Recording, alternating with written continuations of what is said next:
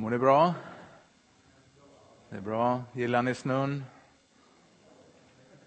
Någon sa ja.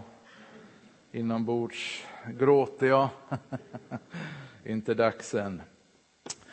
Nyss så fick vi blicka in i Josef och eh, Ninas hem, Astrid och Nomis hem. Och idag tänkte jag att vi skulle blicka in i ditt och mitt andliga hem. Vi befinner oss ju i apostlagärningarna och förra gången så fick vi läsa om Lukas berättelse, första kapitlet, om vad Jesus fortsätter att göra från himlen genom sin kyrka på jorden. Och denna kyrka och dess kännetecken, om det handlar dagens predikan om, som fått just rubriken Församlingen, ditt andliga hem. Och jag ska läsa välkända versar ifrån Apostlärningarna kapitel 2, verserna 41 till 47. Jag tror att de kommer på väggen så du kan följa med. De som tog emot Petrus ord döptes och antalet lärjungar ökade den dagen med omkring 3000. De höll troget fast vid apostlarnas undervisning och vid gemenskapen, brödsbrytelsen och bönerna. Varje själ greps av bävan och många under och tecken gjordes genom apostlarna. Alla de troende var tillsammans och hade allt gemensamt. De började sälja sina egendomar och ägodelar och delade ut till alla efter vars och ens behov. Varje dag var de troget och enigt tillsammans i templet och i hemmen bröt de bröd och delade måltid med varandra i jublande innerlig glädje.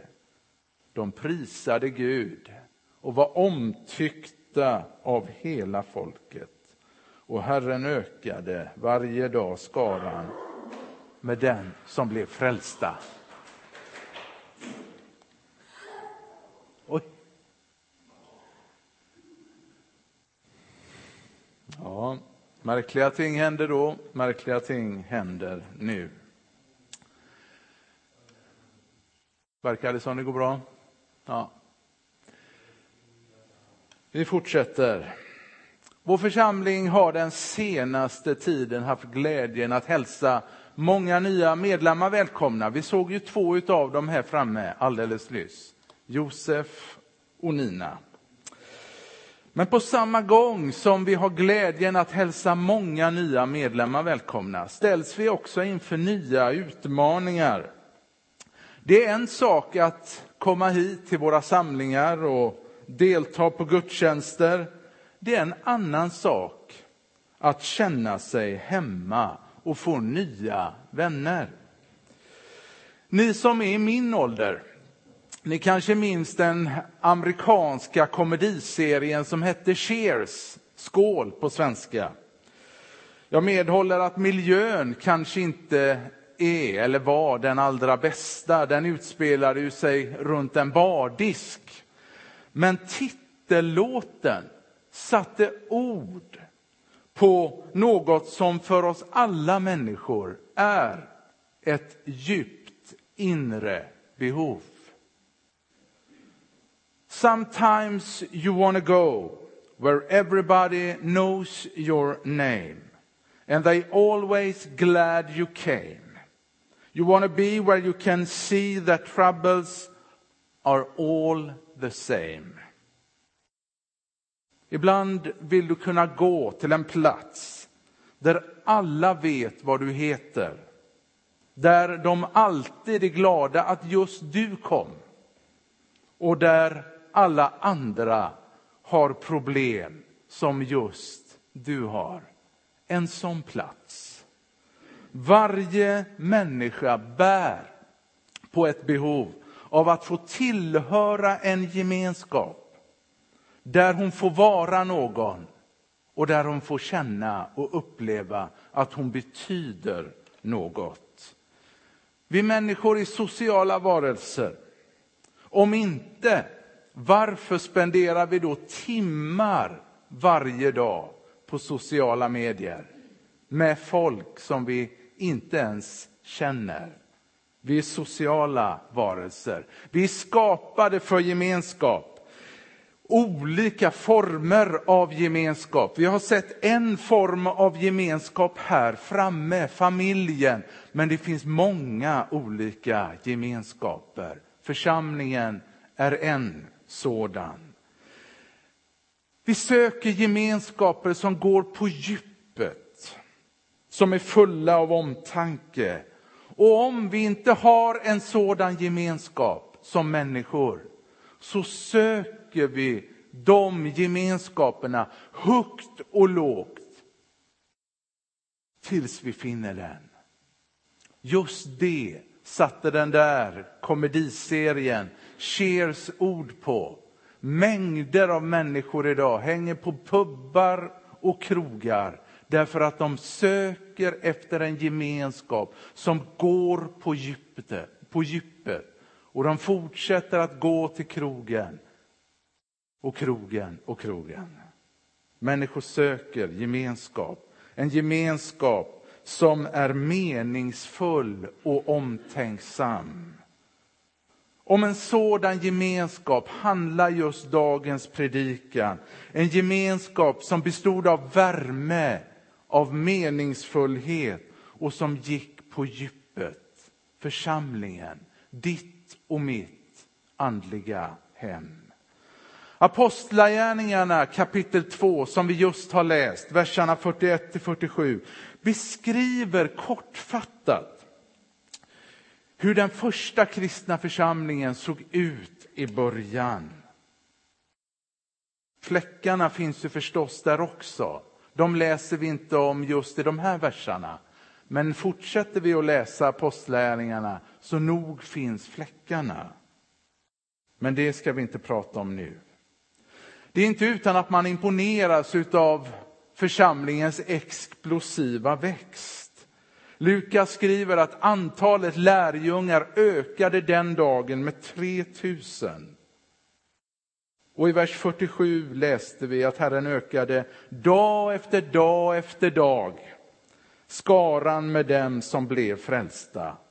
Och verserna däremellan beskriver vad som händer när Gud får grepp om och får verka fritt genom vanliga människor, män och kvinnor som du och jag. Mot bakgrund av denna text ska vi idag titta närmare på fyra egenskaper som kännetecknade den första kristna församlingen. En andefylld församling som kännetecknades av att de stod fasta, djupt grundade i Guds ord. Det är det första kännetecknet. För vi läser att de höll troget fast vid apostlarnas undervisning. Den första kyrkan var med andra ord en läraktig kyrka. Den utgjordes ju av lärjungar och av själva ordet lärjungar så förstår vi att det ligger någonting av läraktighet. Det första den helige ande gjorde på pingstdagen, det var att grunda en skola i Jerusalem. Han öppnade en skola som bestod av 3000 elever som alla var ivriga att få höra Guds ord. Liksom den helige ande är för sanningen. Jesus kallar honom för sanningens ande. Och liksom den helige ande utforskar djupen hos Gud så är också vi kristna för sanningen och uppmanade att läsa och studera Guds ord. Här går vi rakt emot postmodernismen som påstår att det inte finns någon absolut sanning. Men kristna tror raka motsatsen. Gud, tror vi, har lämnat spår efter sig själv i skapelsen och i Bibeln. Nu är det mycket som pågår. Bibeln uppenbarar allt det du och jag behöver veta för att komma till tro och förbli i tro. Just därför studerar vi Bibeln. Därför att vi tror att den är skriven på ett sådant sätt att allt vi behöver veta om Gud står där. De första kristna satt vid apostlarnas fötter för att lära sig så mycket de kunde om Gud som bekräftade sitt ord med under och tecken. I apostlarnas frånvaro så får vi ju fråga oss, vad betyder det för oss att vara apostolisk? Jo, på samma sätt som de första kristna så håller vi oss och följer apostlarnas undervisning som står nedskriven i Nya testamentet. Församlingen låter nämligen inte tidsandan bestämma vad vi ska tro. Hon tror att Gud har lämnat sitt ord åt församlingen för att vägleda sitt folk. Och därför läser vi skriften så som den står skriven. De första kristna kännetecknades av att vara läraktiga och ha en önskan om att få lära känna Gud. Men en andefylld gemenskap är också en omtänksam gemenskap. Vers 42 beskriver hur de första kristna också höll sig troget till gemenskapen. Alltså de kom regelbundet till församlingen. Det grekiska ordet för gemenskap är koinonia, vilket betyder att dela något gemensamt. Med andra ord, vi har gemensamt del i något. Nämligen Guds nåd. Vi har genom tron på Kristus förenats med Gud själv och hans heliga gemenskap och därigenom blivit ett. Men vi är inte bara delaktiga i någonting tillsammans. Vi delar också ut någonting tillsammans. Vi har genom tron blivit medansvariga för varandra. Kanske att jag kommer att lugna någon nu. Men jag tror inte att vers 44 och 45 ska ses som en direkt uppmaning till alla kristna att gå hem och sälja allt man äger. Hör jag en lättnadens suck någonstans? Ja. Jag tror att somliga fått den gåvan därför att Paulus han skriver om den nådegåvan i Romarbrevet 12. Gåvan att vara extra generös. Och det är det jag tror att vi ser just i den här texten. Några fick gåvan att vara extra generösa. Att sälja allt man äger var och är frivilligt. För om det vore ett krav, hur kom det sig då att man också höll till i hemmen och bröt bröd. Jag trodde ju att alla hem var sålda. Nej, det verkar inte så. Det verkar som om några fick gåvan att vara extra generösa, men inte alla. För då hade man ju inte som sagt var haft några hem att mötas i. Samtidigt så kvarstår det, och det är också viktigt att säga, att vi alla i Kristi kropp har fått ett medansvar för varandra, inte minst ekonomiskt. Jag vet inte om du tänker på det ibland, att församlingen här också har räkningar att betala. Och vi kan ju inte betala räkningar med löven som faller ner på marken.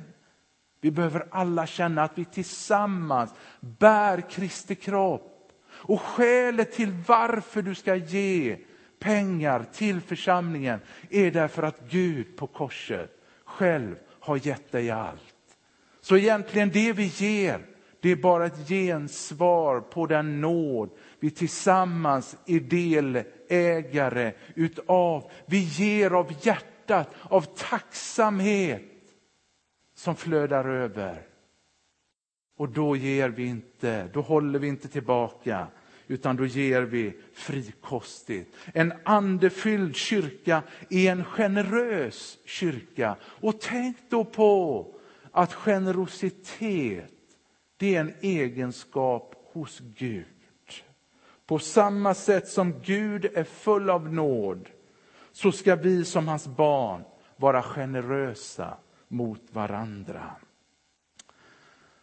En sak slår mig när jag läser den här texten och det är den samhörighetskänsla som präglade församlingen och som går i rak motsats mot den individualism och isolering som råder idag. Dagens teknologi har gjort det lättare än någonsin att undvika ögonkontakt och fysisk gemenskap. Vi kan sitta hemma med mobilen och surfa med någon som sitter egentligen bara vägg i vägg. Istället för att gå över och dela gemenskapen. Men den församling vi läser om här går på många sätt tvärt emot det som vi själva håller på och bygger idag. Vi behöver vara vaksamma. Våra krav på egen tid har inneburit att allt fler människor har hamnat i utanförskap. Vet du att det var aldrig Guds tanke att du och jag skulle förbli kristna på egen hand? Får jag fråga, vem coachar dig? Vem uppmuntrar dig? Vem vägleder dig i ditt kristna liv? Om du inte har ett namn eller flera namn som svar på den frågan, då är det dags att börja bygga upp de relationerna. Personligen så ber jag människor att påtala mina brister och då vill jag säga människor som jag har förtroende för. Jag sa till Anders veckan, lova mig att du talar om för mig om det är någonting som du ser som jag inte borde göra. Människor som jag har förtroende för säger jag till, tala om för mig om det är någonting som jag gör som jag inte borde göra. Därför att det riskerar till att såra andra. Så tro nu inte att jag säger till dig att du får lov att säga till alla människor som du stör dig på vad de gör för fel. För börja med att titta dig själv i spegeln då. Men gå gärna till någon som du har förtroende för och säg, lova mig att om det är någonting som du märker går stick i stäv mot vad Jesus säger, så tala om det för mig. Då tänker jag, då händer det någonting i församlingen.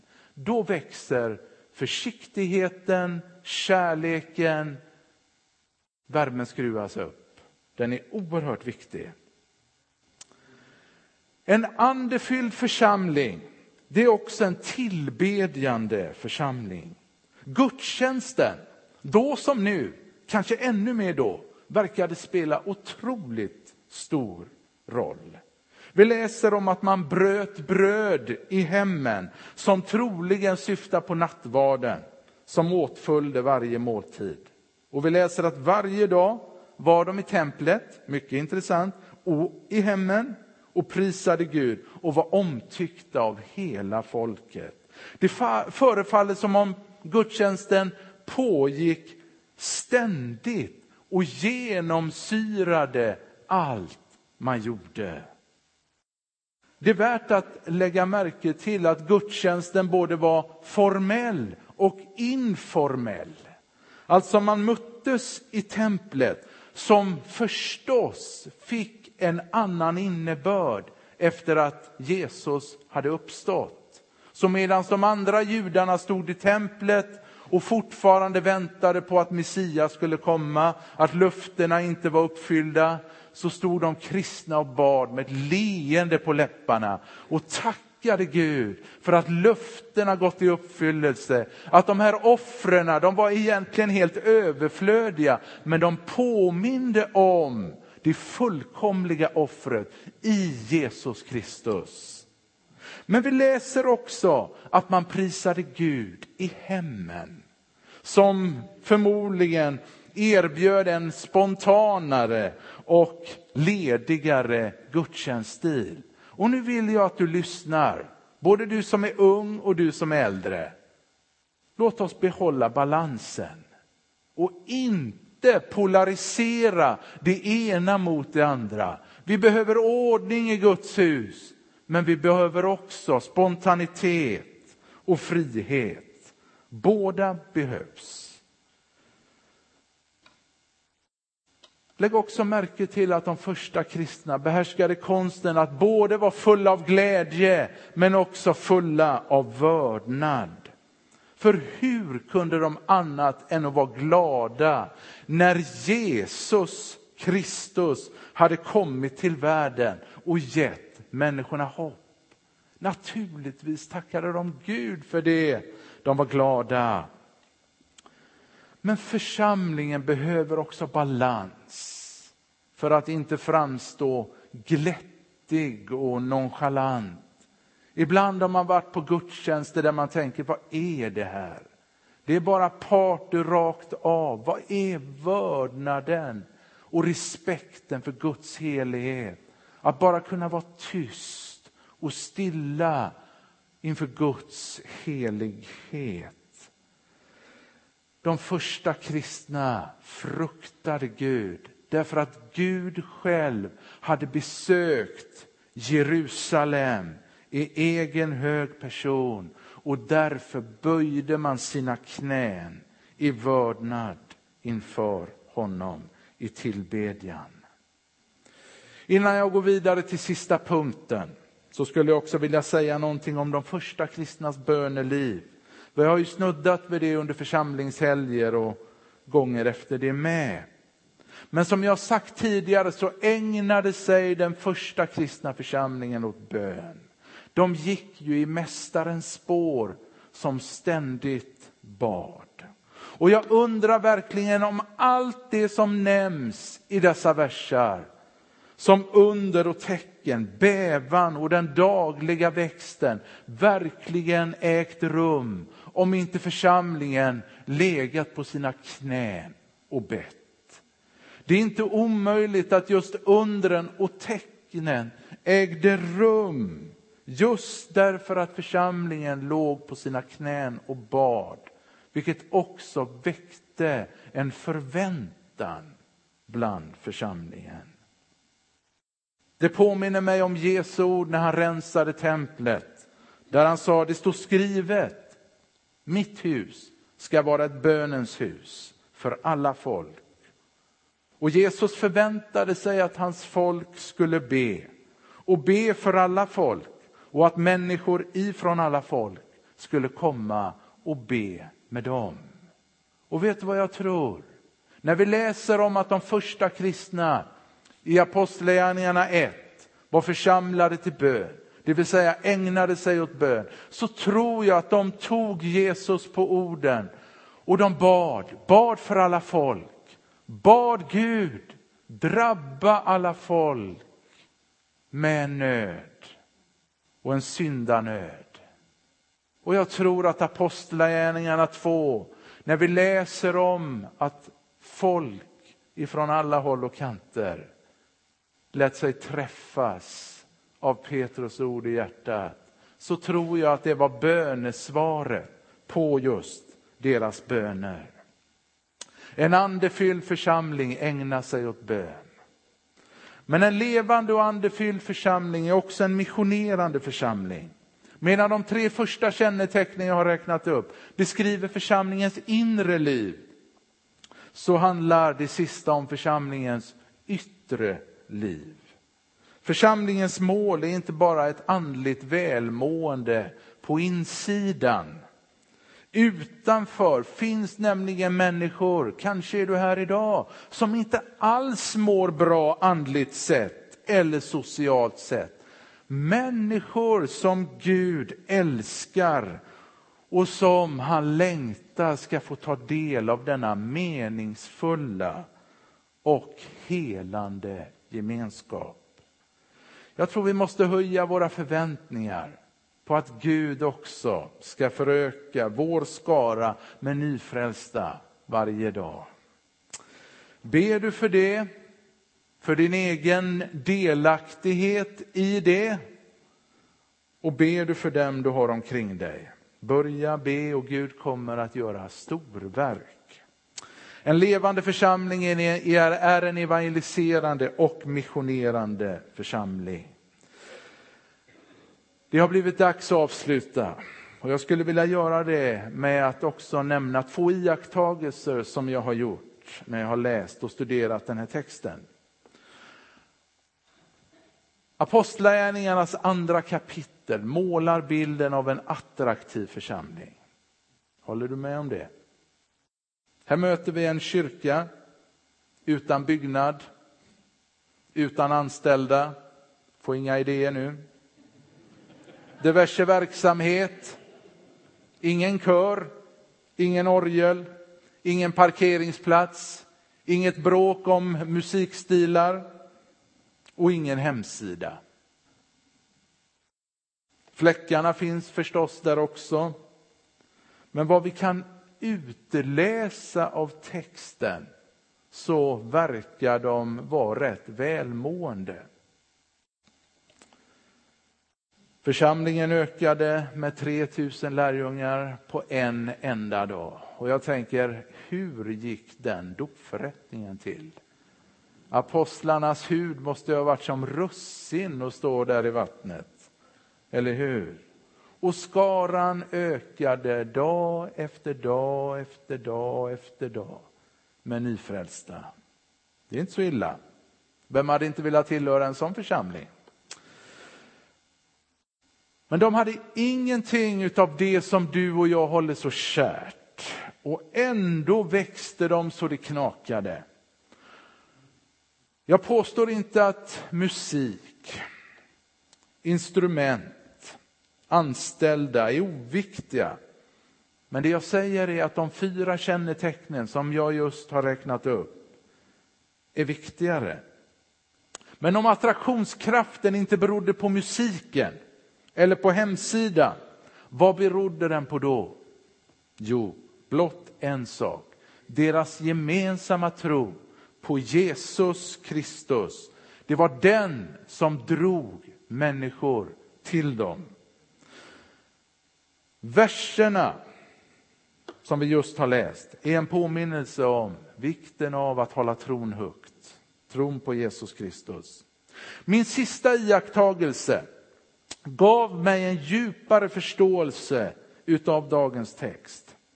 Verserna innan Lukas skriver om de troendes gemenskap så citerar han Petrus som säger till dem som senare skulle komma till tro.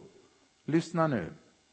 Låt er frälsas från detta bortvända släkte. Vet du att det ordet bortvänd i grekiskan är skolios Kanske att någon får associationer. Göran, du kanske tänker direkt vad det här är. Skolios, att vara krökt, snedvriden. En icke-kristen människa är en bortvänd människa. Vänd bort ifrån Gud och från andra. Hon är inkrökt. Jag tror det var Luther som sa Synd är att vara inkrökt i sig själv. Alltså att vara sluten och självupptagen. Det är precis det ordet Petrus använder. Skolios, att vara inkrökt i sig själv. Att vara självupptagen. Och då förstår du vilket under som sker när den helige ande träffar hjärtat. Folk får ett stygn. De inser, o gode Gud vad självupptagen jag är. Jag behöver nåd och förlåtelse. Och Gud förlåter dem. Gud uppfyller dem med sin helige ande. Och vad händer? Jo, de blir de blir tillvända människor. Människor som är vända till Gud i tillbedjan och till andra och varandra. Öppna, sociala, engagerade. Ser du skillnaden? Missar du de orden ifrån Petrus så är också risken stor att du missar helt förståelsen av det under, det mirakel som händer i dessa 3000 människors liv. Det är så vi ska förstå Apostlagärningarnas andra kapitel, vers 42 till 47. Sammanfattningsvis, vad kännetecknar en andefylld gemenskap? Texten säger att en andefylld församling är grundad i Guds ord, präglas av omtänksam gemenskap, är tillbedjande, är missionerande och överallt där dessa kännetecknen finns förblir församlingen sund på insidan, attraktiv på utsidan, fylld med glädje och ständigt växande med nya människor i tron. Vet du att det som hände för dem då, det var inte unikt där och då. Det kan hända idag igen. Det är möjligt överallt där församlingar säger Gud, ta kontrollen. Vi vill ledas av dig i och genom ditt ord. Sådan var Guds plan från första början och den funkar än idag. Låt oss be. Gud, vi ber om att få bli som den kyrka och det folk som vi har läst om idag. Vi läser i Bibeln om de första kristna och våra hjärtan ropar att deras liv också ska bli vårt. Visa oss var ibland oss som det finns hinder som hindrar ditt verk. Herre, vad är det vi inte gör som vi borde göra? Vi ber dig, visa oss Herre. Öppna våra hjärtan för dig och för varandra. Gör oss till ett hjärta och en själ. Låt också icke-kristna runt omkring oss bli nyfikna på vår tro i och genom våra liv. Amen.